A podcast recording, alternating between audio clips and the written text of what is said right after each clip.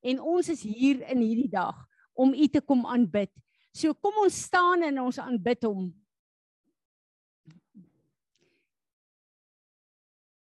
Vader, Here Jesus en Heilige Heilige Gees van God. Ons buig in aanbidding in hierdie dag voor U. Ons kom en ons kom gee onsself as U lewende offers en ons sê Here, U kan in hierdie oggend doen wat U wil. Beweeg soos U wil. Ons wil kom en ons wil ons lof en dank en eer vir U kom gee. Ons wil kom uitroep Here saam met die engele kore dat U heilig is. U is alomteenwoordig.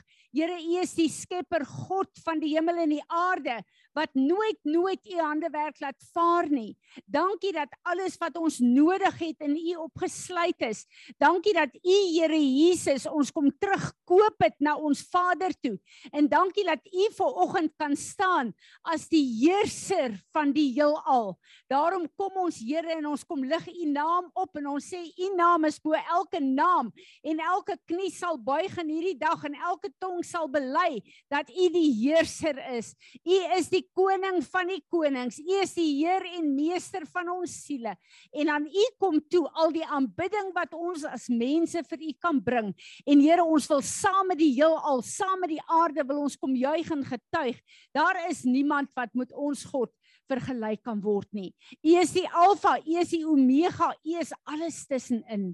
En ons kom en ons kom verklaar ons liefde aan U. Ons is met dankbare harte hier. Ons kom met lofprysing en danksegging in hierdie hekke staan en sê Here, ons is opgewonde oor dit wat U wil doen in hierdie oggend. Word verheerlik, word verheerlik en ontvang vir oggend hierdie lofprysing as 'n soet soet geur voor U aangesig. Amen. Kom ons aanbid hom.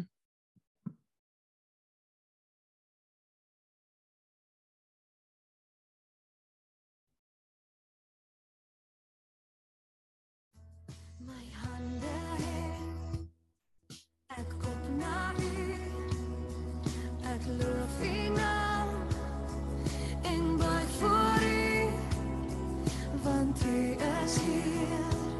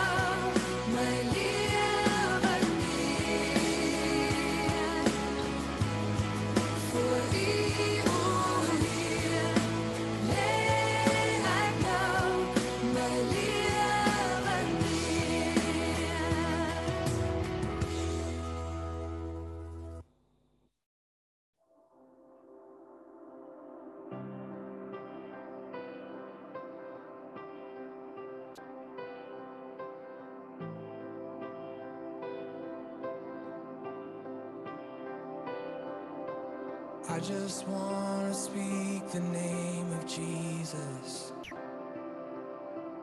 over every heart and every mind.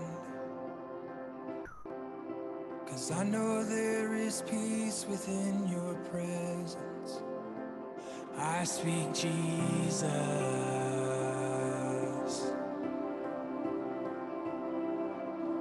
I just want to speak the name of Jesus. Till every dark addiction starts to break. Declaring there is hope and there is freedom. I speak Jesus.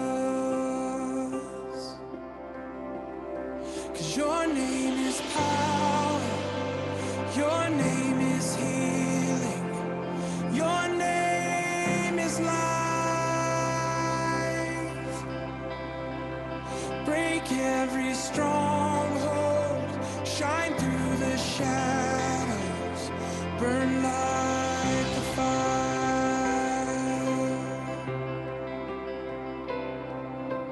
I just want to speak the name of Jesus over fear and all anxiety. To every soul held captive by depression, I speak Jesus.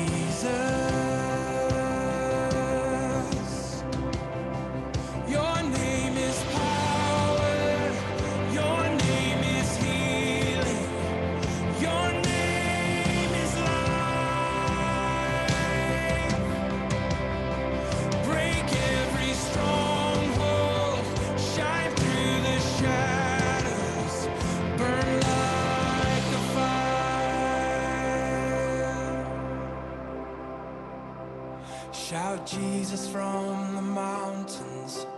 Jesus in the streets. Jesus in the darkness over every enemy. Jesus for my family, I speak the holy name, Jesus.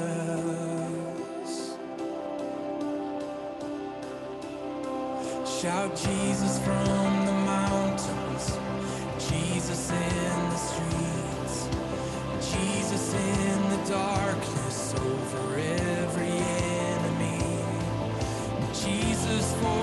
family, I speak the holy name, Jesus.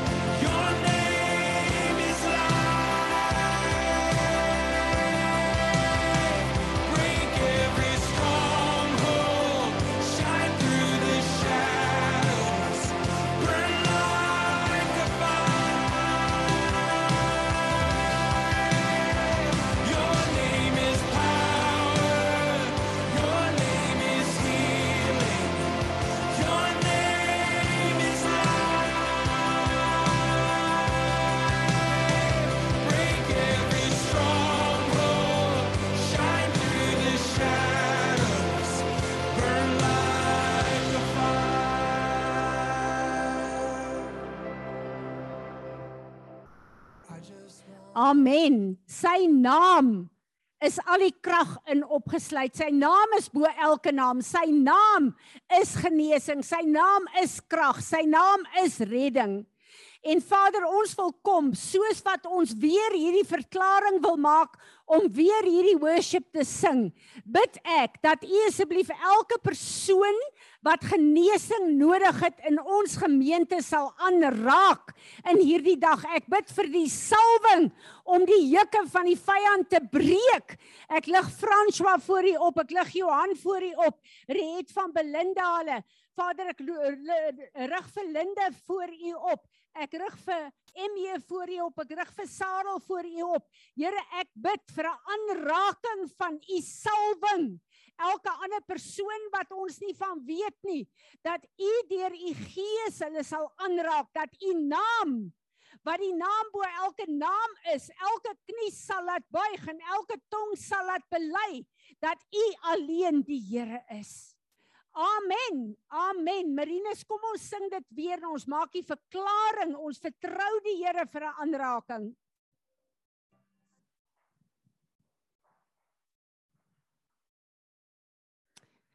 Here, U is waardig om al ons aanbidding te ontvang. Dankie dat U die volle prys vir ons betaal het. Ek bid dat U dit vir ons so lewendig sal maak, Here, dat wanneer ons hier aan dink, wanneer ons dit bid, wanneer ons dit verklaar, wanneer ons U aanbid daarmee dat dit nie vir ons net 'n ritueel is nie, maar dat ons sal verstaan. U het die volle prys betaal. U het ons teruggekoop. Ons verbind terug aan ons Vader se hart. Dankie Here Jesus. Dankie. Enigeen wat 'n skrif het, 'n visioen het,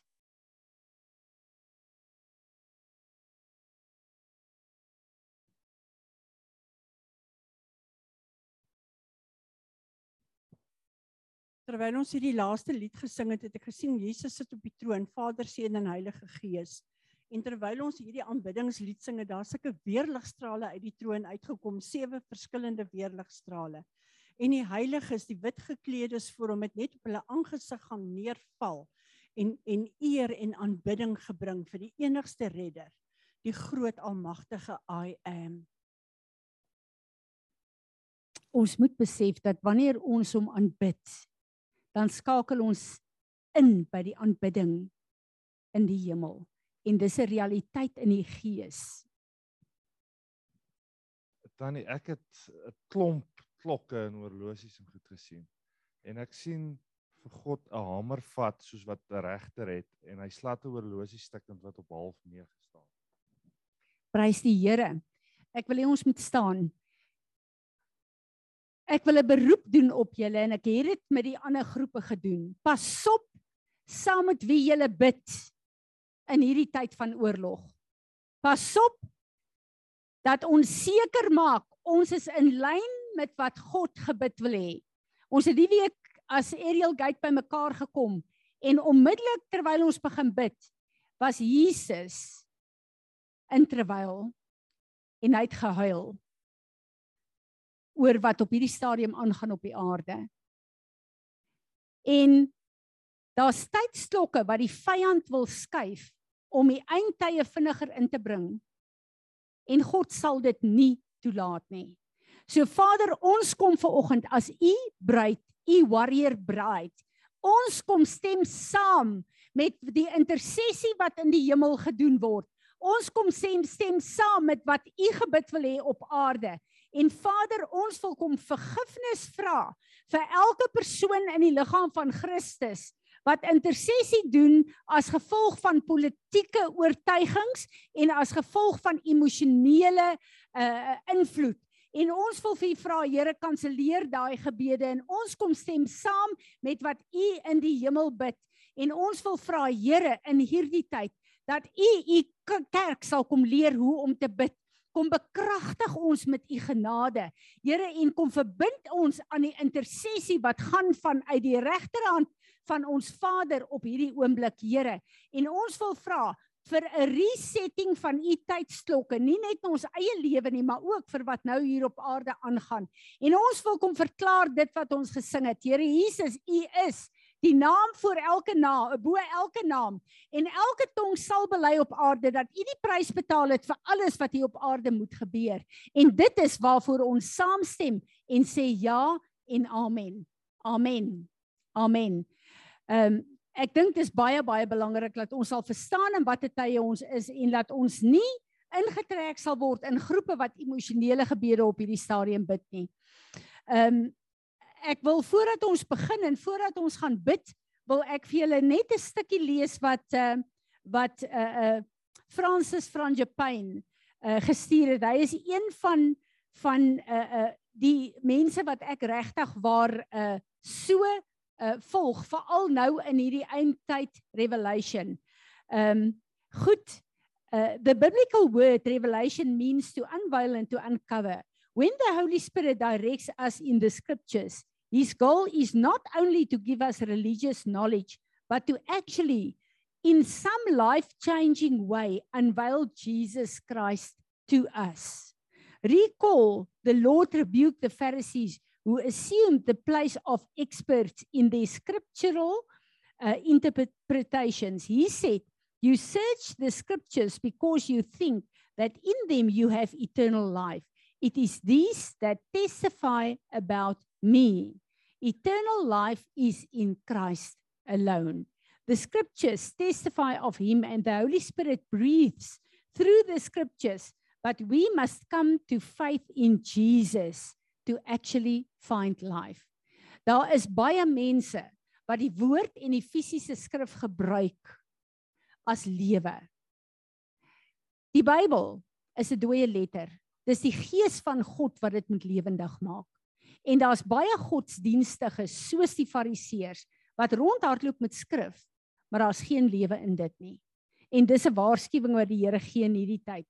Many books deal with interpretations of end time events.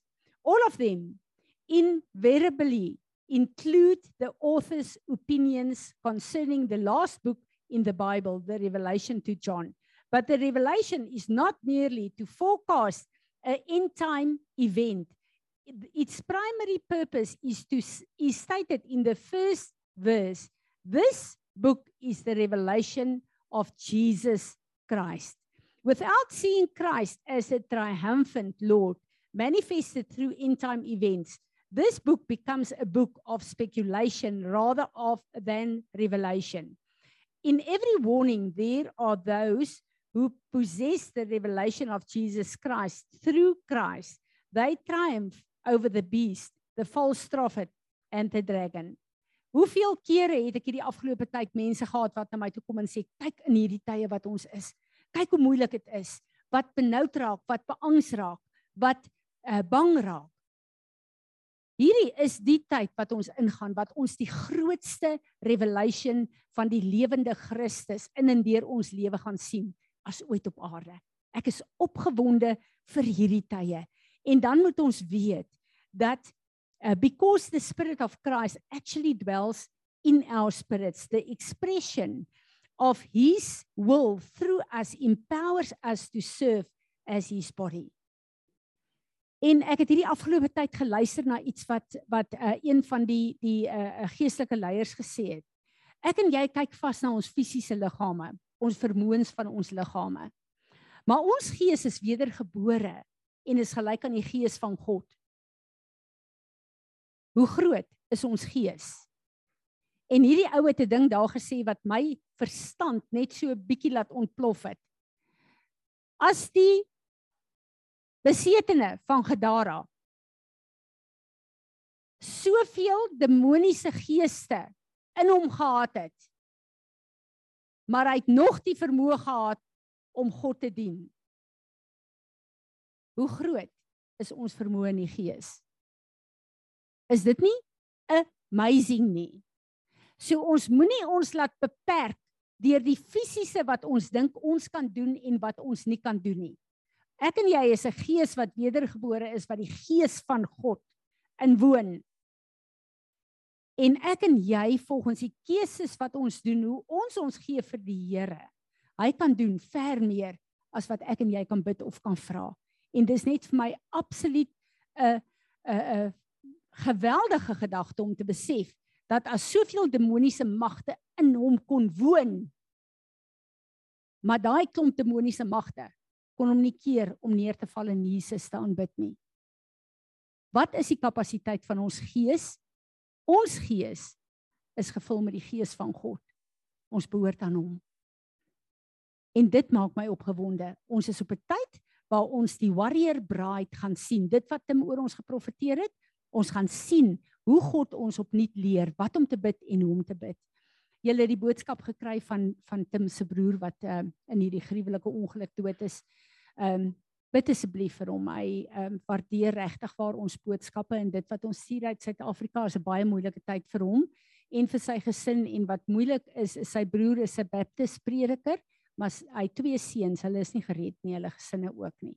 En dis 'n groot ding vir die familie nog altyd gewees. So bid asseblief, hulle het dit nodig. Ehm um, goed, kom ons gaan oor om te bid. Uh, sit weer vir my die mense op. Ek wil net voor ons begin bid, Vader, wil ek vandag vir Johan oplig waar hy uh moet terugkom Suid-Afrika toe volgende week. Here, wil ek gesag neem oor elke plan en strategie van die vyand om probleme op sy pad te gooi soos uh, in die verlede en ons kanselleer dit Here en ek bid dat hy veilig in Suid-Afrika sal antwoord is sal land en dat hy en Salome en die kinders 'n wonderlike tyd sal hê.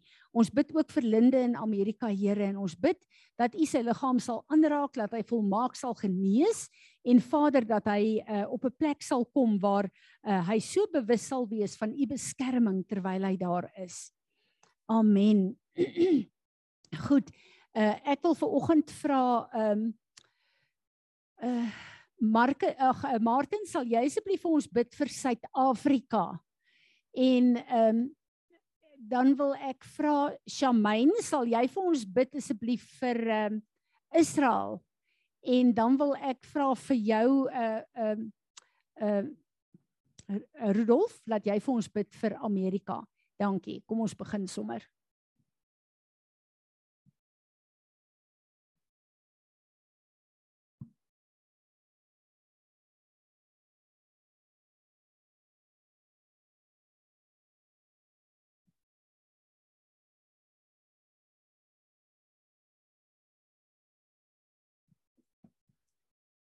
Martin, is jou mic oop? Sal jy vir ons begin vir Suid-Afrika asseblief?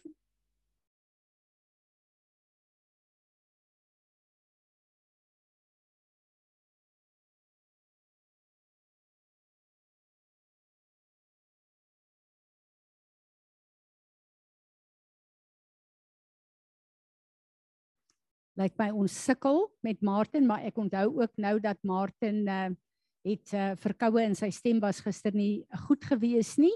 Ehm um, so Tanya, sal jy vir ons vir Suid-Afrika kom bid asseblief? Dankie en Shamaine, dan kan jy aangaan.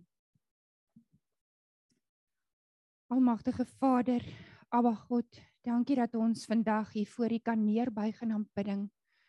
Dankie dat ons ons mooi land Suid-Afrika kan oplig voor U aangesig. Here Jesus, dankie dat ons kon sing. Ons roep U naam uit oor ons land.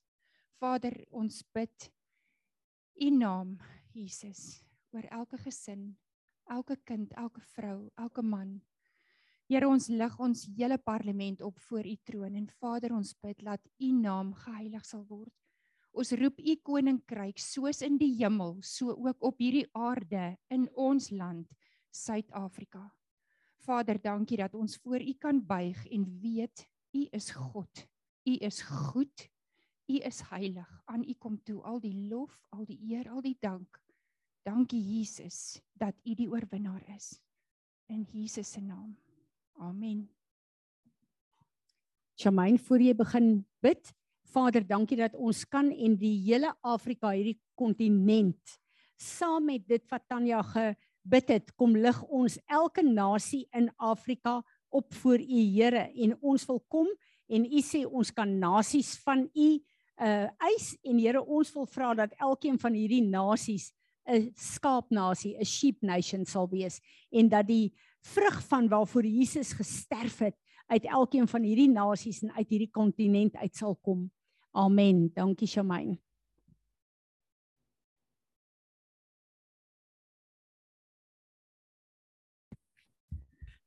Aba Vader, ons kom na U toe in die naam van Jesus vanoggend en Vader, ons wil Israel kom bless. Vader, ons wil kom saamstem met dit wat Jesus voor die troon van God op hierdie oomblik bid vir Israel. Here, ons wil dat ons voice print sal uitgaan nou. Ons voice print is Here, ons stem saam met die tydsklokke van koning Jesus. Here, ons kom bid vir elkeen wat in Israel is wat aan U behoort, U kinders, Here, ons bid vir hulle veiligheid. Here, en ons wil sommer net vra dat dat hulle elke keer op die regte plek op die regte tyd um, sal wees. Here, ons wil Israel kom bless.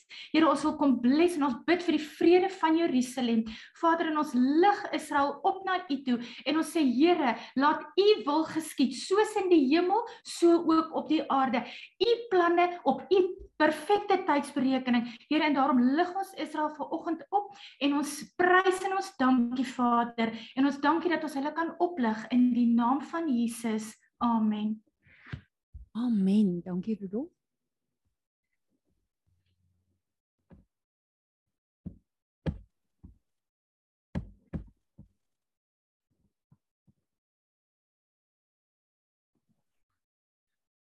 Dankie Here dat ek volgende hier kan staan vir u kan vra ons vir Amerika kan oplig aan u. Here, ek wil vir u vra, sal u ons asseblief help, Here, laat ek nie uit nie net ek nie, Here, al die mense wat vir Amerika bid, Here, laat ons dit nie uit onsself uit sal doen nie. Here, laat ons asseblief uit u hart uit sal bid, want Vader, as ons met ons persepsies moet bid, dan bid ons nie wat reg is nie, Here. Ek wil vir u vra, Vader, sal u asseblief elke struktuur wat die vyand daar gestel het in Amerika kom afbreek, Here, laat u wil sal geskied in daai land. Here, laat elke liewe ding, elke besluit wat hulle doen, Here, dat hulle bonatuurlik u sal hoor, Here. Al is daar nie mense van die mense nie van u of wat nie in u glo nie, Here. Ek wil vir u vra dat u bonatuurlik daar sal ingryp. Here, laat die besluite wat hulle sal neem uit u hart uit sal kom. Vader, laat hulle nie groter moeilikheid sal maak as wat daar tans is nie, Here, en dat hulle uit en uit sal luister vir u. Vader, ek wil vir u vra nie net daar nie gryp in u weet tans wat oral staan gaan oor hierdie aarde Here en ek wil vir u vra asseblief Here sit u hand van beskerming uit oor elke persoon wat in die geveg is maar nie daar hoef te wees of daar moet wees nie. Here beskerm die mense. Here laat u sal seëvier dat u sal verheerlik word nog steeds deur alles wat gebeur. Here ons is dankbaar. Ons kan verklaar hier waar ons staan. U is die enigste God wat ons aanbid. Here ons glo U en ons vertrou op U en ons weet U sal deurkom vir ons en U sal vir ons hierdie pad maak dat ons aan die ander kant kan uitkom en kan sê ons glo in 'n waardige God wat niks onmoontlik voor is nie. Amen. Amen. Wonderlik. Enigeen wat 'n woord het of 'n skrif het, iets wat jy ervaar wat ons nog voor moet bid? Piet, dis vir my so 'n voorreg elke keer as een van ons jong leiers kan oorneem en 'n woord van die Here bring. So ek sien uit na wat die Here vanoggend vir ons gaan doen en daarna gaan Rian in Engeland vir ons lei in die verbondsmaal. Dankie Piet.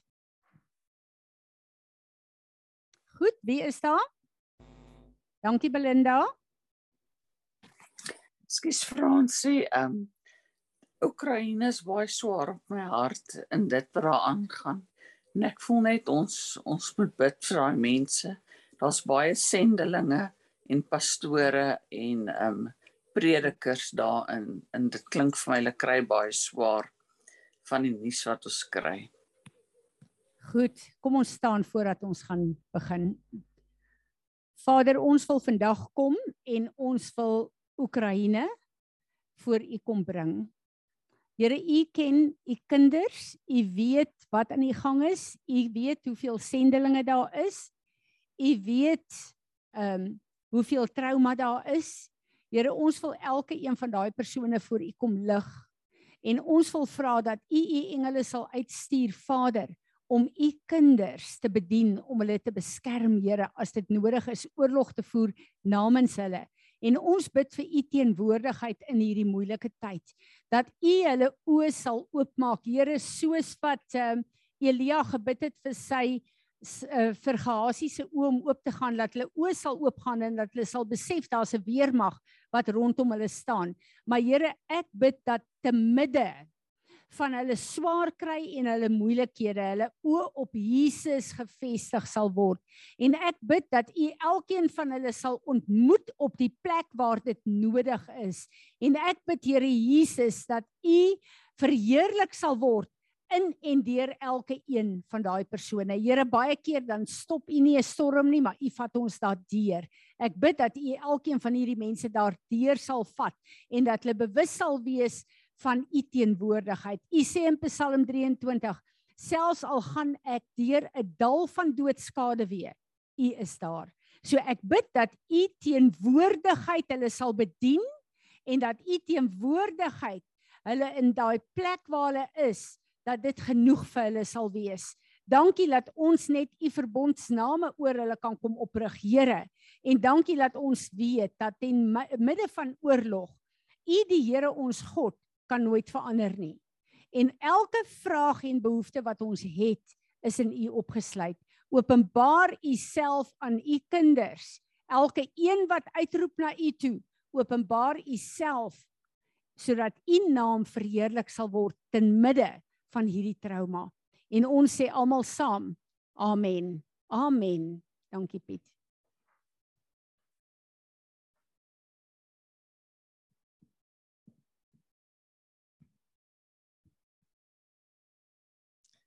Môre julle. Nou, ek hoop van harte vir môre wat ek vir môre gaan sê het eintlik geen betrekking op enigiemand van julle wat hier sit nie. En dat ek eintlik net met myself gesels en dat ek eintlik net, jy weet, die enigste een is wat met hierdie met hierdie goed struggle. En ek hoop regtig van harte dis die geval want daar het oor Desember daar 'n interessante ding met my gebeur. Ek meen die kerk het toegemaak en dit was nou maar jy weet vakansie vir meeste van ons gewees, jy weet en en ek het agtergekom aan my naweke het regtig lekker geraak. My naweke was nogal van gewees. Ek het eintlik 'n naweek regtig begin geniet. Ek kon doen wat ek wil en dit was net vir my so ontspannend gewees en en toe gaan ons hier in Januarie in en uh, ek het eers die datums verkeerd gehad en ek het nogal jy weet gedink die die kerk moet op 'n stadium begin en dan dan staan ek op en dan sê Leander vir my nee die kerk moet nie begin nie. Dan dink ek Ja, yes, maar dis lekker. Ek geniet dit al. Hierdie hierdie pas my nog ons handskoen. Ek ek like dit eintlik dat ons nie hoef kerk toe te gaan nie. Hierdie is eintlik regtig vir my lekker. En uh, so het Januarie aangegaan en jy weet so elke nou en dan en dink ek, "Jesus, maar dis regtig lekker om die kerk toe te gaan nie. Ek ek geniet dit weer half. Jy weet dit is dis my lekker. Ek in 'n naweek is my so ontspannend. Ek rus lekker. Ek ek kan net doen wat ek wil." En ehm uh, so dit gekom het ons weer met kerk toe gaan en ek het so half ag jy weet ek is jy weet ons ons moet kerk toe gaan. Okay, ek ek sal net maar opstaan maar o wag wag wag. Ons het iets Saterdag gedoen. Ek is half moeig. Ek ons hoef nie ons hoef nie Sondag kerk toe te gaan nie. Dis okay. Ek het 'n verskoning. En so gaan dit aan en toe kom ons hier in die kerk en ons begin oor die Sabbat gesels. En toe ons oor die Sabbat begin gesels, toe sit ek agter te dink ek by myself maar jy weet waaroor gaan die baie nou eintlik? Ek meen ek ek ek verstaan nou nie eintlik reg waaroor die baie gaan nie want jy weet ons doen in elk geval wat ons wil op 'n Sondag. En ek ek begin nie oordink en ek en ek dink maar my konsep van 'n Sondag um ek hoop dan die Fransie gaan op 'n stadium van ons lewing hier oorbring wat wat behels 'n Sabbat werklik want my konsep van 'n Sabbat niemand het my geleer wat 'n Sabbat is nie. Net soos wat niemand my geleer het jy weet hoe doen die mens Bybelstudie en hoe bid 'n mens nie. Ek meen alhoewel ek in 'n goeie huis groot geword het, het niemand ek het nie met 'n Bybel in 'n huis groot geword nie. Daar was nie huisgodsdiens gewees of enige vorm van wat ons in 'n manier gecoach is maar luister, dis hoe jy in 'n mate Bybel lees. Jy weet dit is hoe jy jy weet ten minste 'n klein bietjie bid.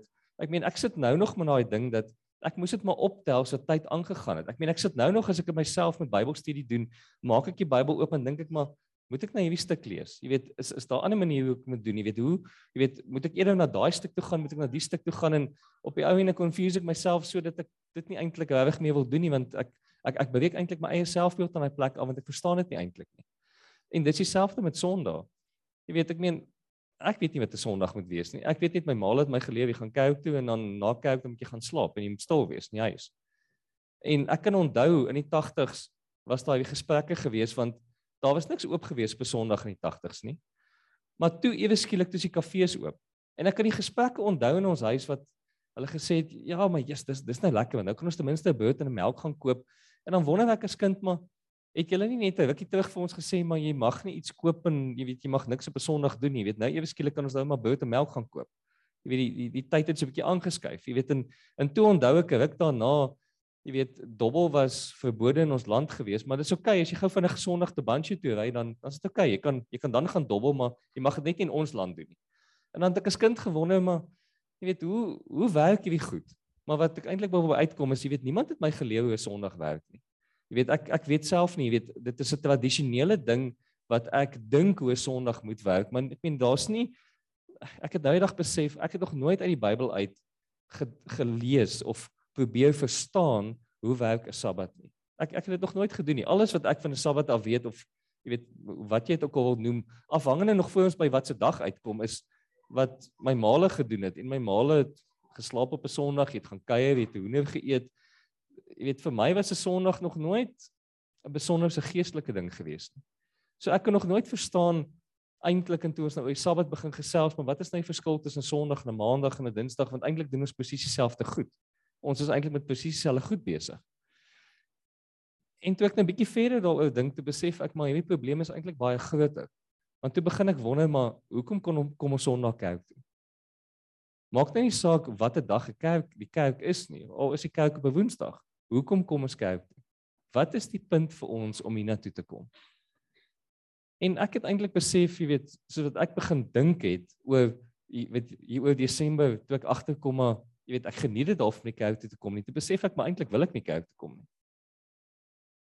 Ek het agtergekom eintlik is die toestand van my hart dat ek wil eintlik nie hier wees nie. En as ek hier is, is ek het ek nou maar net hier ingestap en ek kom sit hier so en ek maak of ek baie geïnteresseerd is en as die kerk verby is dan stap ons uit uitspring in die kar en jag huis toe en jy yeah, dis dis amper asof jy al vrygelaat is vir die dag jy weet jy kan nou ewe skielik gaan doen wat jy wil doen en ons kan net jy weet aangaan en ek besef maar daar's iets fundamenteel fout in my jy weet ek ek dink ek sit met 'n ernstige probleem En die Here vat my na 'n skrif toe in Openbaring. En ek wil dit wil dit graag vir julle lees.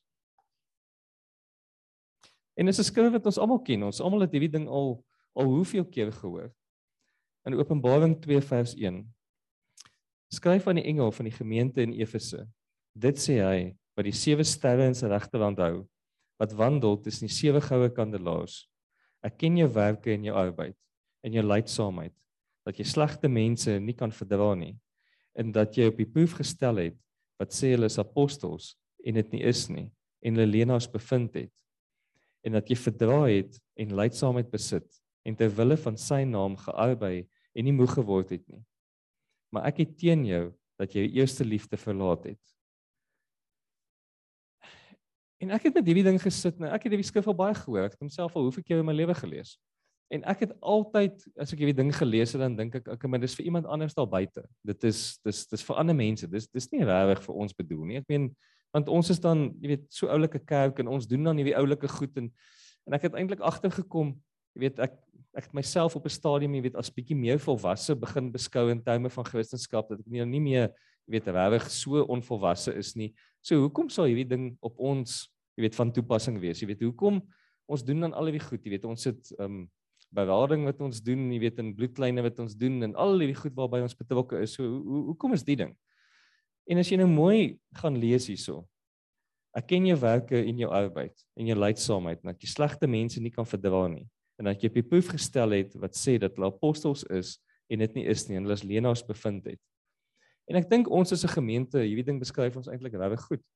Ek dink ons as 'n gemeente uit die gesprekke uit wat ons met mekaar het, jy weet hoe ons met mekaar gesels en die, hoe ons na die wêreld kyk en goeders hoor en hoe ons met mekaar beredeneer maar eh, pas hierdie dinge in is hierdie ou jy weet op die regte plek ek ek dink dit jy weet dit dit dit beskryf ons eintlik regtig goed en ek dink as 'n gemeente doen ons dit eintlik baie goed wat beteken dat hierdie skrif is eintlik geskryf vir mense soos ons dis nie geskryf vir mense daar buite wat wat nou net tot bekering gekom het of wat jy weet of wat eintlik van die pad af is nie. Dis vir mense soos ons ge, geskryf. Ek meen ons is die mense wat jy weet as daar 'n funksie of 'n ding is, dan spring almal in en hulle maak kos en hulle doen goed. Ek meen dit is nie asof jy weet almal van ons hierso jy weet agteroor lê en niks doen nie. Ek meen daar's Marinus daar. Ek meen hy is konstant. Hy's hier, hy's met Zoom, hy, hy hy doen nie goed. Ek meen dit is elkeen van ons, jy weet, elkeen het eintlik 'n tipe van 'n rol wat ons vervul ja, ons redeneer met mekaar dat hierdie rol beter kan wees, maar ons is besig om te werk in die kerk. Dis nie dat ons net agteroor sit en niks doen nie. En ek besef maar kan dit wees dat ons ons eerste liefde verloor het? Kan dit wees dat ons nie meer die Christene is wat ons gedink het ons is nie? En ek moet sê, as ek mooi terugdink oor die laaste 2 jaar, dink ek dit is presies die geval in my. Daar het 'n verskywing in my hart gekom, daar het 'n shift gekom oor nie oor dit wat ek doen nie. Dit wat ek doen lyk van buite af verskriklik goed. Ek ek is nog steeds betrokke, ek doen al die goed, ek maak die regte geleide, maar eers het daar 'n skuif in my gemoed gekom.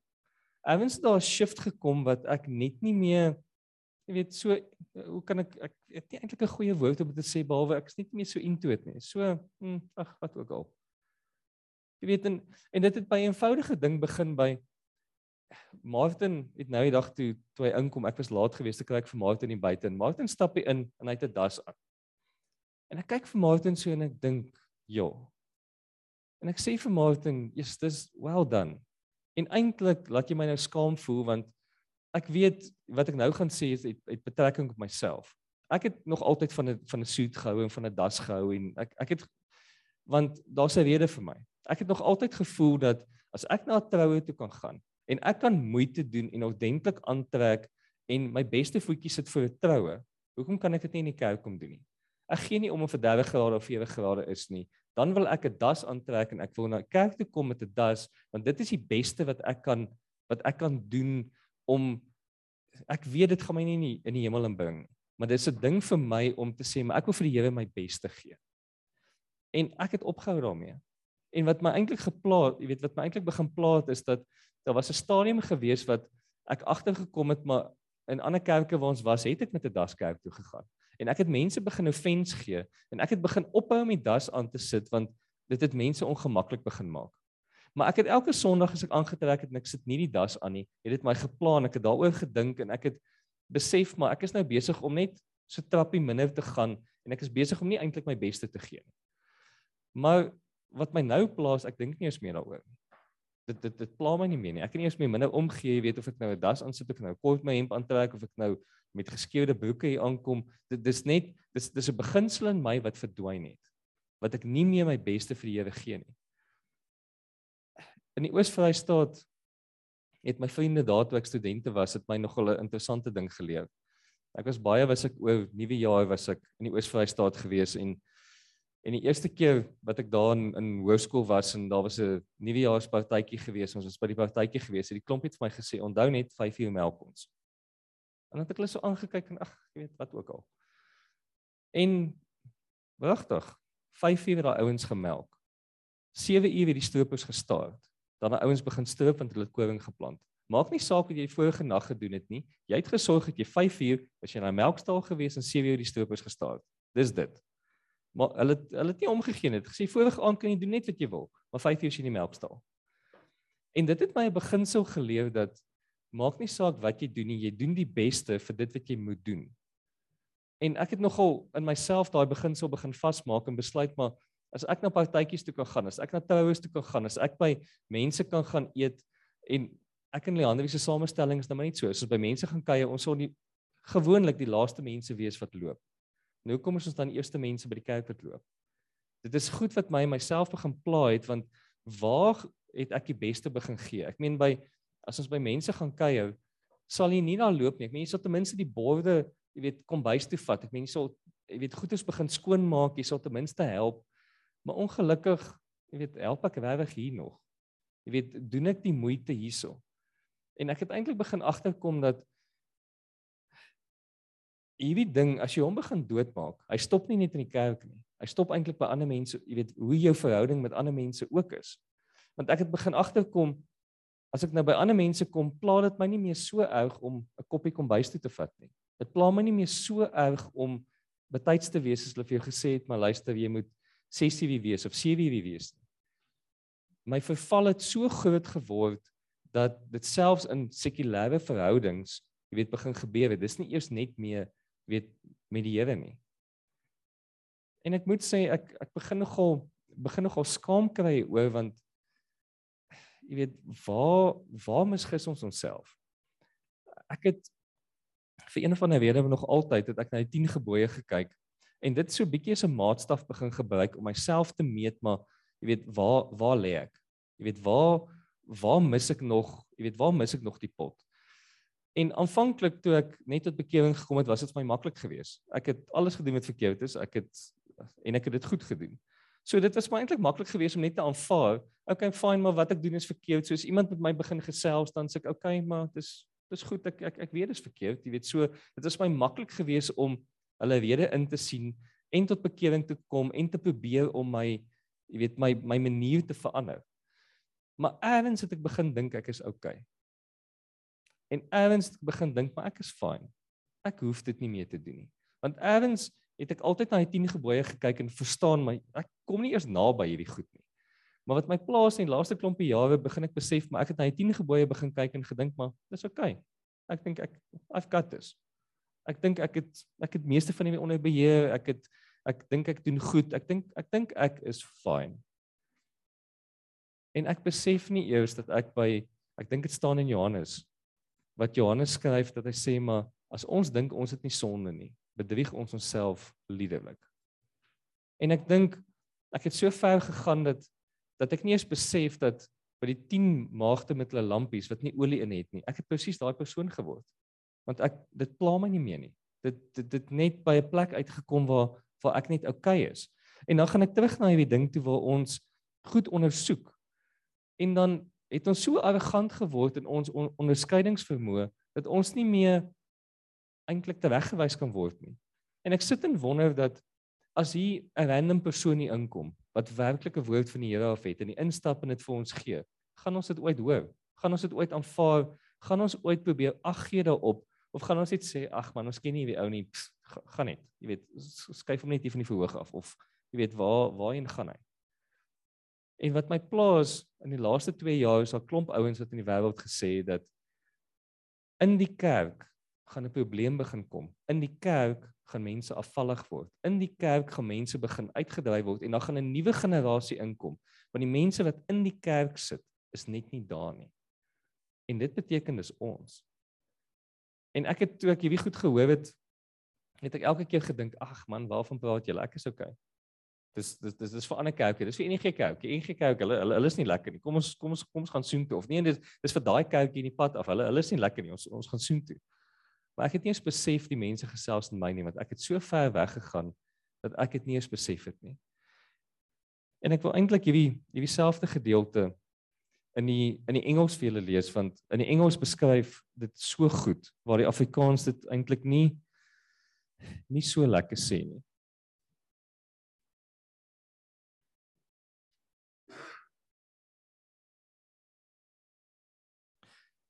Hier van vers 4 af in Openbaring 2 in Engels sê hy: Yet I hold this against you. You have forsaken the love you had at first. Consider how far you have fallen. Repent and do the things you did at first. En ek het aanvanklik toe ek die ding gelees het, dink ek my repent. Repent waarvoor? Wat wat wat het repentance hiermee uit te waai? Maar ek dink ons ons hele idee van repentance is jy weet ons sê maar net 'n ding en dan gaan ons aan. Maar dit is net belydenis. Jy weet ons het maar net ons sonde bely. Dit is een gedeelte van repentance. Die volgende gedeelte is is dat jy moet ophou met wat jy doen en jy met jou jy met jou aksies verander. As jy nie dit wat jy besig is om te doen verander nie, dan het die feit dat jy dit erken het, het het niks daarmee uit te waai nie. Erkenning is die eerste stap, maar dan moet ons oorgaan na jy moet ophou met te doen. En ek het toe ek eintlik oor die definisie van repentance begin dink, eers begin besef, jy weet, dat ek actually hier ook kan repent, want ek moet ophou om so te wees. En eintlik wat ek hier verstaan is dat ek gaan dit net weer vir julle lees. Uh net geweet terug gaan daarso. Repent and do the things you did at first. En die Here het hierdie ding vir my begin oopbreek en vir my begin wys maar toe ons tot bekering gekom het is daar sekere goed wat ons gedoen het. Daar's sekere goed hoe ons geleef het en en ek weet 'n verhouding, jy weet, gaan aan. Maar daar's nog steeds sekere goed wat ons gedoen het uit onsself. Ons het ons het moeite gedoen. Ek vat myself sommer maar net. Ek meen ek het regtig moeite gedoen om teachings bymekaar te kry. Jy weet, ek het regtig moeite gedoen as ek in 'n trekker gesit het of in 'n stoep of goed. Ek het nie 'n radio geluister nie. Ek het verskillende teachings geluister want ek wou myself verbeter het. Ek wou myself 'n beter plek gekry het. Ek wou myself verdiep het in die Here en ek het kerk toe gekom om iets te leer van die Here af. Ek het nie net kerk toe gekom omdat ek kerk toe moet kom nie. Daar was vir my 'n voorbereiding gewees wat ek voor die tyd gedoen het. Ek het die week deur gegaan. Ek het probeer onthou wat die volgende vorige Sondag gesê is.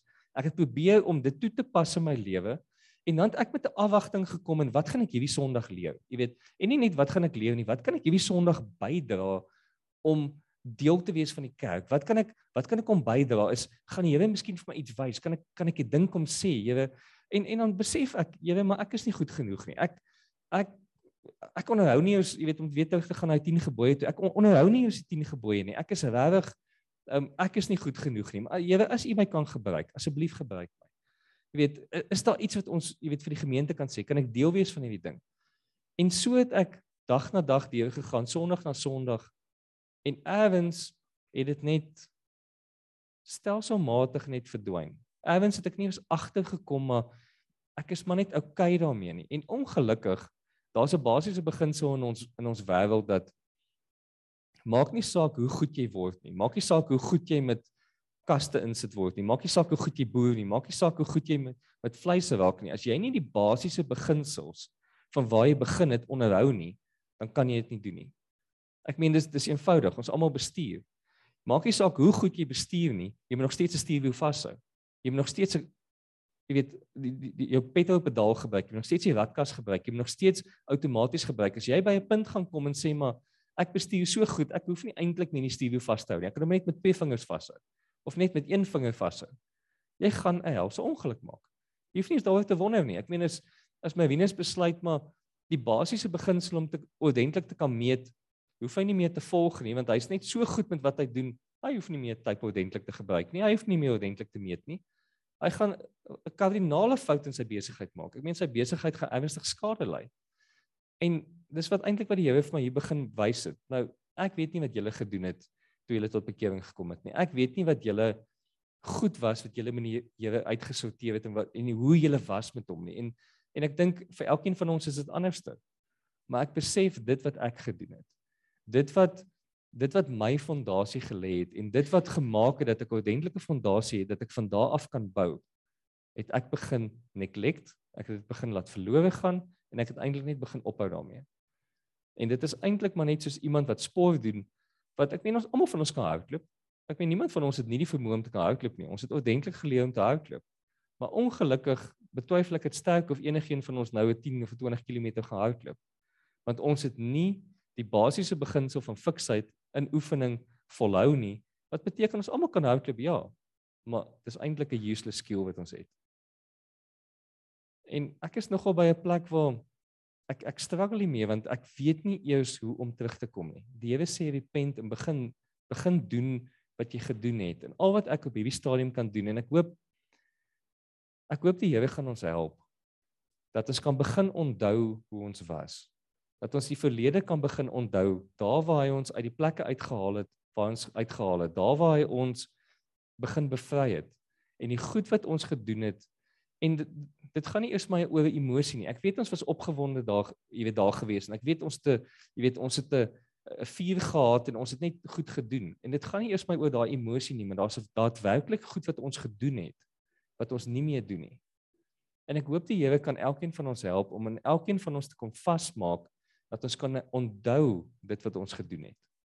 En dat ons net daai goedjies net weer kan begin doen dat ons die basis in ons lewens in stand kan hou want ongelukkig as mense Openbaring 'n klein bietjie ver, verder gaan dan die eerste gemeente waarmee hulle praat, jy weet, praat hulle mooi met die gemeente en hulle hulle verduidelik dit eintlik baie goed. Later word dan nie eens meer doekies omgedraai nie. Hulle sê dit regtig vir jou, jy is lou. En omdat jy lou is, gaan dit met jou gebeur. En ongelukkig, as ek dit reg verstaan, is hierdie die eerste stap om lou te word.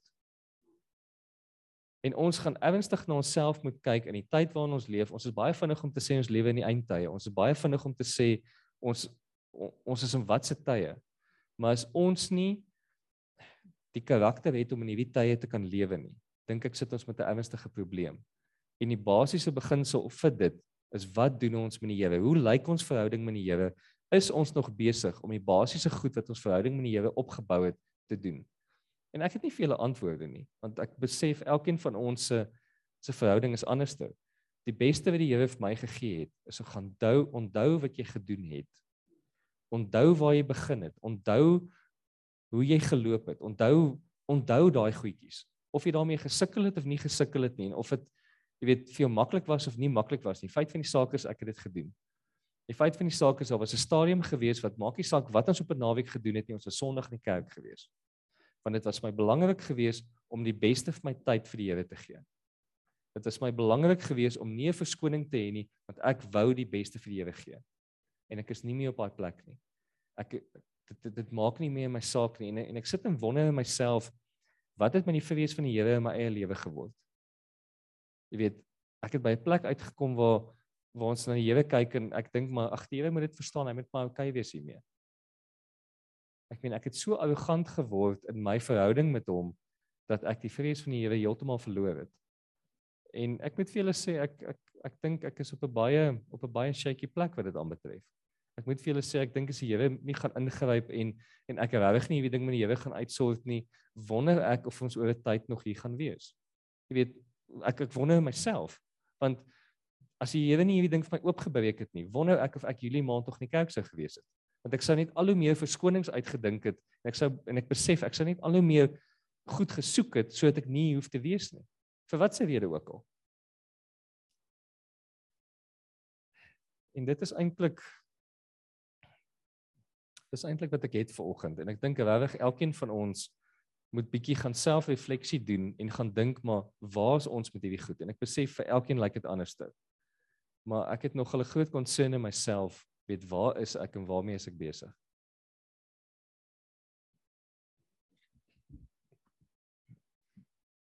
Ja, ek dink die oggendgroep sal dink ehm uh, het ek en Piet bespreek wat uh, hy ver oggend mee aangegaan het. En ek dink by die skool ook het ek gesê, waar is God op ons prioriteitsleer? En ehm um, wat Piet vanoggend hier gesê het, het my net eenvoudig laat besef dat ehm um, hoekom dit is ons aan die Here het ons so mature geraak dat ons sekere goed nie meer hoef te doen nie want ons is mos nou al gegroei in die Here.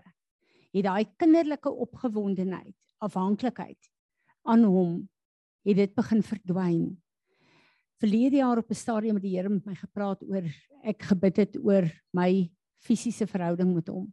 En toe sê die Heilige Gees vir my Fransie, een van jou wonderlikste dinge wat jy gedoen het, jy het altyd soos 'n kind op jou knieë gegaan.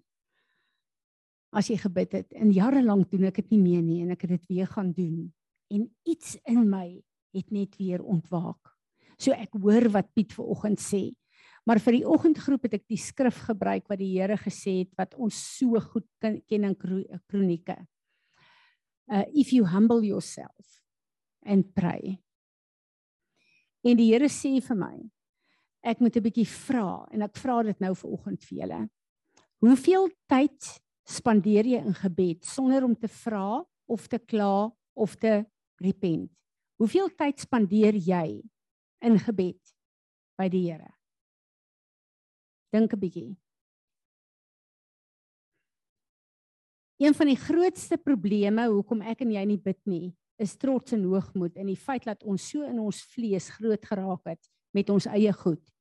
Jou gebedslewe, jou tyd in gebed met die Here bepaal waar jy is in hom. Ek het gister 'n jong man wat by my sit en kla sy vrou kan nie verstaan nie. Sy sê sy spandeer nie genoeg hy spandeer nie genoeg tyd met haar nie. Maar hy werk. Hy's die heeltyd besig om te werk. Hy's die heel en ek kry sy aandag na 'n hele klomp redenasies en ek sê ek wil hê jy moet net 'n halfuur 'n dag vir jou vrou sê kom ons sit ons selfone neer en in die halfuur mag ons nie kla nie. Ek wil jou hart hoor en ek sal ek sal my hart vir jou gee.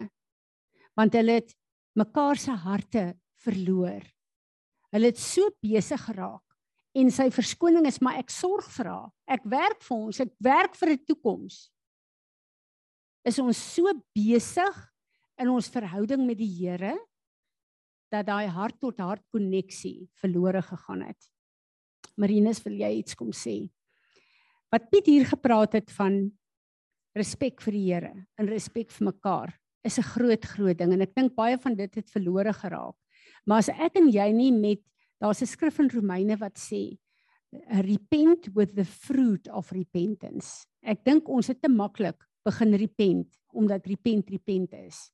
Marinus. Besef nou eintlik dat ehm um, toe Piet sê het in Desember oor die goed begin wonder is is dat die Here met dieselfde goed oor my begin praat het daai tyd want jy sal agterkom dat daar's nie meer 'n verbondsmaal lys nie en almal wat die laaste paar Sondae verbondsmaal gedoen het, sê dit aan die Fransie het hulle Sondagoggend gesê. En ek en sy daaroor gepraat want way back when in die ou Paris is dit hoe dit gewerk het. Jy het in die oggend in die kerk gekom en tannie Fransie het vir jou gevra sal die verbondsmaal doen. En die rede daarvoor is nie om jou ongemaklik te laat voel of om jou in 'n ding in te druk nie. Die rede daarvoor is om uit jou uit te trek wat die Here die week in jou gedeponeer het. Dit gaan nie daaroor om ek is nou te lui om 'n lys voor te stel en ek is moeg daarvoor om almal se beurte te vat wat vergeet. Dit is glad nie waaroor dit gaan nie. As die Here wil hê ek moet dit elke Sondag vir 3 maande doen, dan sal ek dit doen want dan is dit wat die Here wil hê. En ek besef dit is min of meer dieselfde tyd wat Piet oor die goed begin wonder het en ek het vir Tannie Fransie na toe gegaan toe sê ek Tannie ek voel die Here sê ons moet ophou om 'n lys te hê want ons het die Here wil weet of of ons moet doen wat wat die week gebeur het. Dis hoekom ek ook daarvan hou om nuwe musiek te sing want musiek gaan gepaard met wat die Here globally besig is om te doen. En ek het begin voel dit is waarna toe ons as 'n kerk weer moet teruggaan is om te hoor wat die Here die week vir jou gesê het. So eintlik moet sy jou nie eers die oggend sê nie, sy moet jou sommer sê as jy in die kerk sit want dit voel vir my ons moet teruggaan om om te hoor wat die Here sê. En gister het 'n het 'n ou vir ons gesê dat daar by Piet wat daar gekuier het, toe sê maar kan ons werklik nog hoor wat die Here vir ons sê? Het hy het nou eintlik gepraat oor tiendes toe. Ek het nou nie gaan nou nie heeltemal ingaan op wat hy sê het nie, maar die punt wat hy wou maak is kan ons regtig hoor wat die Here nou vir ons sê? En dit het my so 'n bietjie laat dink want ek weet nie of kan ek nog hoor wat die Here vir my nou sê nie. Ek probeer om in die geraas te kan hoor wat die Here sê, maar ek weet nie of kan ek dit nog doen nie. Wat vir my heerlik was is dat Marinus het my ge ehm um, kontak en gesê aan die Fransie, as daar niemand anders is nie, ek sal die verbondsmaal maal doen Sondag. Daar is toe nou iemand, maar ek kan nie wag om volgende week te hoor wat hy gaan sê nie, want ek weet dis 'n verlenging van wat God besig is met hom te doen wat kan uitvloei na ons toe. Die eerste kerk in Handelinge, hoeveel keer het ek al gesê, Here, ek bid vir daai selfde salwing. Wat het daar gebeur? Hulle het bymekaar gekom by hulle byeenkomste en die woord het uit verskillende mense uitgekom en die mense was so in hulle verhouding met die Here gewees dat hulle net 'n verlenging was van dit wat die Here wou doen in daai gemeente opset. En dit is waarheen ons moet beweeg. Daniel. Ek het net hierdie week ervaar en dis soos Piet sê en dis 'n ding wat 'n mens moet aanleer is om doelbewus te leef. Ek ry donderdag met Michiel Bloemfontein toe. Ek so excited met hierdie lyfie langs my. Ek meen hy werk so ons tyd is maar beperk. So ek so opgewonde vir alles wat hy vir my sê. En dit is so lekker as ons net met mekaar praat en 'n mens het ons het ons het mekaar nodig en om doelbewus elke dag die Here te soek. Ek vat net in hierdie week wat jy net so soos wat ek opgewonde raak oor hierdie kind van my, raak raak die Vader oor ons opgewonde. Fanny bel en sê my vrou bid, ek wil hierdie stroper. En ek's op die foon en ek bel vir Willa, ek sê Willa, ons moet bid, ons bid vir 'n stroper. En as die Here so deurkom, is dit soos jy kan nie jy's so opgewonde. En Rianey wat sy bid vir 'n boek. Ehm um, ons is Potchefstroom, ons moet hierdie boeke ek die Here laat my vlieg soos 'n student. Ek was nooit 'n student nie, maar ek weet waar al die plekke is en Anlie giggel hier langs my en ons moet hierdie boeke koop en ek het nie 'n idee nie en hierdie kind ons koop 'n boek, maar die boeke is freaking duur. Weet julle wat dit kos? 1200 rand 'n boek. En ons vat 'n ander boek en sy sê nee, sy gaan nie hierdie boek vat nie en Anlie is hier agter my en die kind betaal en Anlie tik my so en sy sê, "Hoorie, hier's 'n boek vir haar tweedehands R600, die helfte." En ek sê vir Janey, hoorie Poppy, hier's 'n boek vir jou. en sy sê, "We prayed for this this morning. I found my own and I say I will buy this one, but this one we need second hand." En ek kan aanlees in haar shop soos prys die Here. Ons gee nie om wie om ons nie, maar ons moet begin doelbewus mekaar ook vasgryp want ons het mekaar nodig om te sê met die selfone en 'n televisie en ons ons moet net weer connect. Ons moet net weer connect en mekaar se harte hoor want God wil met ons connect in die tuin, in die land, in jou bakkie, in die bad, in die kar, in die kombuis, in die alles maak hom excited. En jy kon wat vir my sê donderdag, dit sou my excited gemaak het. En net so glo ek is God die Vader. Amen. Ja, ek wil ook daarom net sê dit het Piet volgend gesê het is presies waarmee ek dit is dit is asof ek weer terug is 5 jaar terug voor ons tot bekering gekom het. Al verskil as ek drink nie. Maar ek doen presies dieselfde alles wat ons gedoen het voor ons ek ek sê vir hulle Zaan is nie moeilik ek kan nie meer my gedagtenis gedagtes gevange hou nie. Dit is net en dis asof dit nee, is maar so. Dan gaan ons maar net weer aan wat ons aangaan. Dit is nie dit is is baie moeilik om weer terug te kom waar dit was. Dit is nie 'n moeilik, dit is nie 'n maklike ding net om te besluit, okay, jy gaan terug en jy gaan doen soos wat jy gedoen het nie. En dit dit kom in met baie goeders. Dit kom nie net dit gaan nie net oor dit nie. Nee, ons moes al 3 weke terug seker begin het by die kinderhuis. Net nie meer lus om dit te doen nie. Ons daar's soveel goed wat 'n mens moet doen en net net nie meer lus nie. Dit sal maar weer gebeur. Wat doen ons om terug te gaan? In die eerste plek bely ons en ons sê Here, ek kom en ek kom bely hierdie goed. Maar selfs my hart is nie so aan die brand as om te kom bely nie. Ek bid dat U my wind van U Heilige Gees my my die kole op my hart weer aan die brand sal laat raak. Gaan terug na daai goedjies wat jy gedoen het. Gaan weer op jou knieë, lê weer op jou aangesig. Worship en dans weer voor die Here in jou binnekamer. Ons is nie te mature daarvan nie. Weer elke minuut wat jy tyd het, sit jou uh, iPod aan, sit jou kry jy nog iPods. Sit jou jou telefoon in jou ore, sit jou die goed vir uh, raak so vinnig modern dat ek ek voel vandag vandag is is uh, môre alweer outdated. Maar hoor julle wat ek sê? Gebruik elke sekonde wat jy het. Gaan da ons het uitstekende lering. Julle weet watter is die mentors wat ons na luister. Luister in die oggende na Tim, luister na die, luister. Dis alles saad wat die Here in jou. Hoe meer jy dit bedink, hoe meer jy dit hoor, hoe meer wek jy jou geloof op en hoe meer begin jou gedagtes dink die woord jou situasies word deur die woord opgelos, nie deur al jou goed wat met jou gebeur en net nou was ek kwaad en ek het offense in die een in. Hoe meer jy gevul word met die woord van God, hoe minder is daar plek vir ons nonsens en vir ons vlees, maar ek en jy moet die keuse maak en God weer die plek gee wat hy in ons lewe wil hê. Amen. Piet bid vir ons asseblief.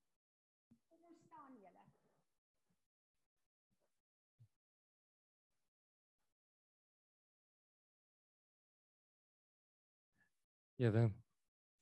Ek wil vir vir my reg ons te kom help.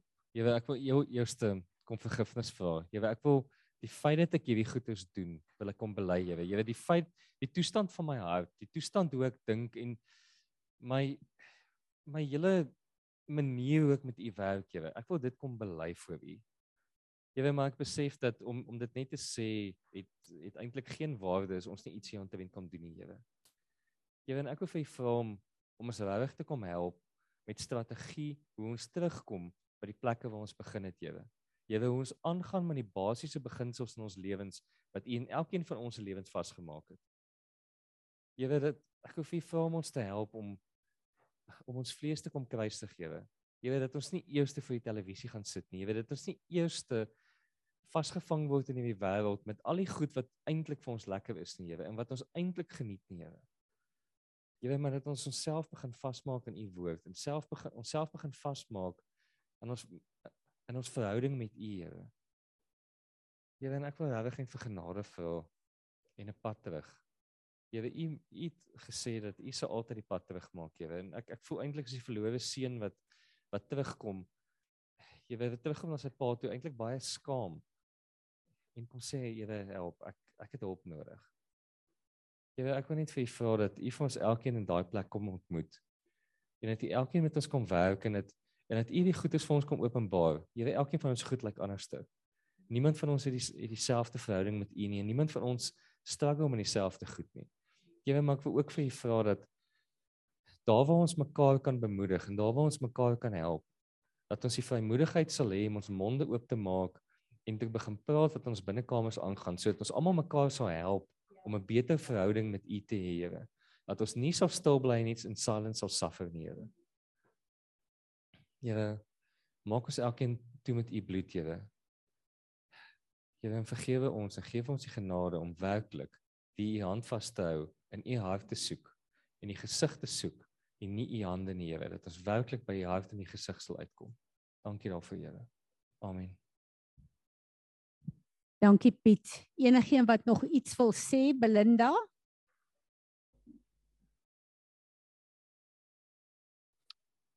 Fransie, toe jy gebid het, ons gesing het, het ek letterlik gevoel hoe die Here my kom aanraak en my kom bekragtig. En dan wil ek sê, ehm um, Jim Staley het 'n woord van die Here gehad gekry waar ehm um, die Here sê ons gebedslewe word gemeet op hierdie stadium. En hy het altyd so 'n mooi sê ding dat hy sê let's do Bible things in Bible ways. En dan die laaste ding wat ek wil sê is um ons is so geprogrammeer om die Here op ons terme te aanbid en te worship uh en al daai dinge. Maar eintlik is die woord daar en die Here sê vir ons daar wie is hy en hoe hy aanbid wil word. En uh ek dink uh, om nou hierdie hele ding af te sluit is ons moet terugkeer na die woord dat die woord ons was want dit is wat die Here vir ons beloof het die woord is water wat ons skoon was en ehm um, ja ek dink uh, ons almal ehm um, sit op 'n plek wat ons rotine moet verander en ehm um, dat ons moet terugkeer na ons eerste liefde. Amen. Louise?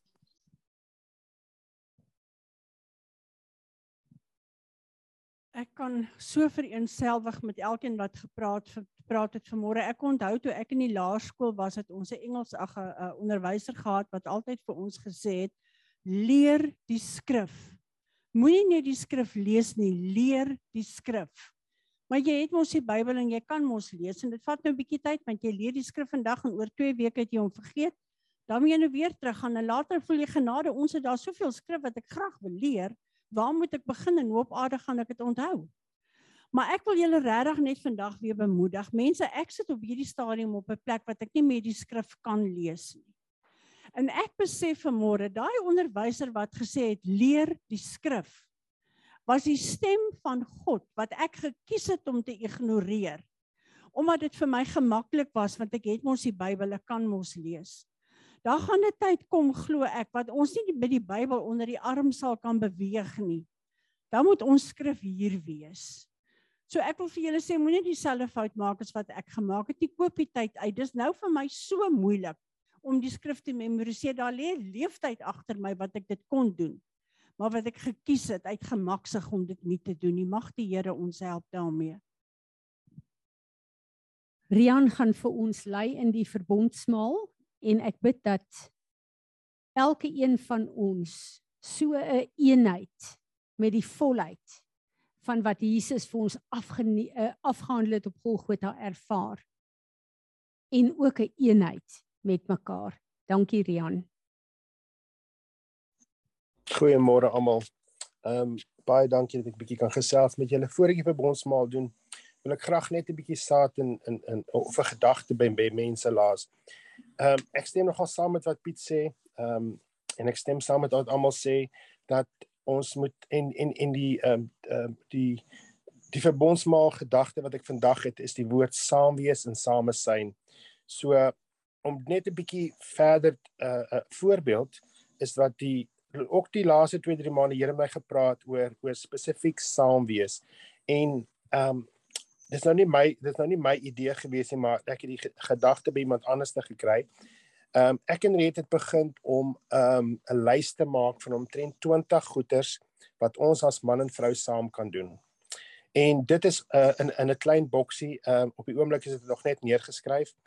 En elke ons het ons ons tyd sê woensdag aand gevat en elke woensdag aand Uh ons sal doen dit die Dinsdag aand om net te sien want een van die goeders op die lysie is byvoorbeeld ehm um, kook vir my vrou 'n 'n 'n 'n ete of vat my vrou uit of een julle as man en vrou kan julle enigiets daan sit. En dit het nogal regtig 'n groot groot verandering gebring dat ons daai selfone af het. Die mense is weg, net ek en sy spandeer wat ook al ons daar skryf speletjie of wat ook al, dit kan iets baie snaaks wees, dit kan iets opgewondes wees. Enigiets kan daarop wees en ek het agtergekom daai tyd wat ons uitgesit het het nogal regtig regtig daai samesyn tussen ons heeltemal verander. Ehm um, ons kry tyd om 'n bietjie met mekaar te gesels. Ons sien mekaar se harte raak. Ehm um, ja, dis net 'n speletjie wat ons speel en ons lag daaroor of of of is iets 'n uh, um, nou die aand het hy vir my storie gelees. En dit was wonderlik om net my vrou se stem te hoor en en en die storie te luister. So daar is iets wat julle daar kan doen en en ouers uh, julle kan dieselfde lysie met julle kinders maak. Uh, ons praat nie van baie tyd nie, ons praat van 'n um, uur of wat. Ehm um, wat die kinders dan ehm um, die lysie uit die boks het al en sê pappa right, hierso staan ons moet gaan stap. Dan dan word dit gedoen of pappa hierso staan ons gaan nou 'n speletjie speel, dan word dit gedoen. En ehm um, ek dink dit dit het vir my gewerk. Ehm um, en ek dink dit sal vir julle werk. OK, nou die nagmaal, soos ek sê daar's daar's verskriklike verskriklike baie dimensies wat 'n mens kan kry oor die nagmaal of of die verbondsmaal. In hierdie oggend wil ek graag net bietjie ehm um, ehm um, praat oor oor, oor die saamwees. Ehm um, ek het altyd gedink uh, so toe ons so in die kerke was, uh, skielik preek ons en dan skielik ons die verbondsmaal en ek het altyd gedink maar wanneer die wanneer Jesus daar gesit het, het hulle tog by mekaar gesit en hulle moes mekaar gesels het. So ek ek het ek dink hulle hulle met mekaar gesels en en die Here kon hoor wat hulle gesê het en ehm um, hulle kon gehoor het wat Jesus sê. Ehm um, die nag met die met, met die nagmaal of dit bosmaal is dis ehm um, um, hoe kan ek sê daar was toe Jesus saam met sy disippels was met die laaste feesmaal kyk hy na hulle met die wete dat dit die laaste keer sal wees wat hy hulle sal sien. Jesus het geweet dat binnekort sy liggaam wat met sy liggaam sou gebeur het. Hy het geweet dat hy gegeesel gaan word. Hy het geweet dat hy geslaan sal word tot die punt dat sy liggaam dat dis onherkenbaar geword het. Hy het geweet dat hy soveel bloed sou verloor het dat dit sy eie lewe gekos het. Nou, ek kan nie dink nê hoe kon hy met hulle gepraat het en hy moes baie emosioneel gewees het om te dink dat hy hulle nie weer gaan sien nie sy saam wees saam met hulle sal nie daarmee wees nie. So my gedagte is dat die saam wees ehm um, daai laaste maal het 'n verbond met hulle gestig en dit is letterlik om deel te wees met Jesus in sy geloof. Hulle was deel aan sy kruis, hulle was deel aan sy sterwe, hulle was deel aan sy opstanding gewees. Ehm um, vir my is dit nagmaal moet dan vir ons 'n tyd wees dat ons 'n bietjie kan stil raak en miskien moet ons self kyk of met of met ons medemense gesels. Ehm um, dit is as jy weet wat uh, as jy as jy weet jou hart uh, word getrek deur sondige dinge, dan is die nagmaal vandag vir jou ervaring van vergifnis en repentance en in hierdie in hierdie dag sal dan en dan in hierdie dag vra vir vergifnis. Miskien ehm um, ervaar jy die nagmaal vandag as of die verbondsmaal vandag se oorvloed in jou lewe. En ehm um, in in jou hart is dan dankbaarheid vir die goeie in jou lewe op die aand het Jesus vir ons baie iets soos die Engels sê special gedoen. Daar was baie spesiaal vir ons gedoen. Hy het ons gehelp om om om te weet dat ons saam met hom kan wees in gees. Ehm um, hy het sy gedagtes gedeel en hulle het hulle gedagtes met hom gedeel. So dit is vir my baie belangrik dat wanneer ons nou hierdie verbondsmaal vat, dat ons weet lê dat ons een saam met Jesus is en dat dat ons tog met met mekaar met gesels voor die tyd dat ons as familie net of as vriende net by mekaar gesit. Luister, ons gaan verbondsmaal hou vandag. Maar kom ons hoor net bietjie wat gaan in jou lewe aan. Ehm um, kom ons hoor net bietjie deel met bietjie met my. Laat ons net weet wat gaan in almal se lewens aan. Want daardeur nê, as ons dan daai verbondsmaal vat, weet ons nê presies wat se krag in ons Jesus het, wat hy met ons gedeel het, wat die oorwinning het ons daarin en wat sy bloed vir ons gedoen het. En ek dink as ons dit weet nê, kan ons vas staan en ons weet wat dis maar net een van die verbondsgedagtes. So in in Korintiërs 1 ehm um, vers uh in Korintiërs nee, 1 Korintiërs 11 vers 23, hulle gaan ek lees. Hy sê want ek het ek het van die Here ontvang ek het ook aan julle oorgelewer het dat die Here Jesus in die nag waarin hy verraai is, brood geneem het en nadat hy dit nadat hy gedank het, het hy dit vir ons gebreek en gesê: "Neem eet. Dit is my liggaam wat ek vir julle gebreek word. Doen dit tot my nagedagtenis. So baie dankie julle en en ek hoop dat dit die saam syn um, vir elke persoon sal sal 'n nuwe dimensie oopmaak om te weet dat ehm um, die gedagtes wat hulle het en die gedagtes wat Jesus het moet saam wees. Dankie. Amen. Wat 'n voorreg om so saam te kan kom. Wat 'n voorreg. Kom ons ontvang die seën van die Here en mag julle geseënde, awesome nuwe week hê.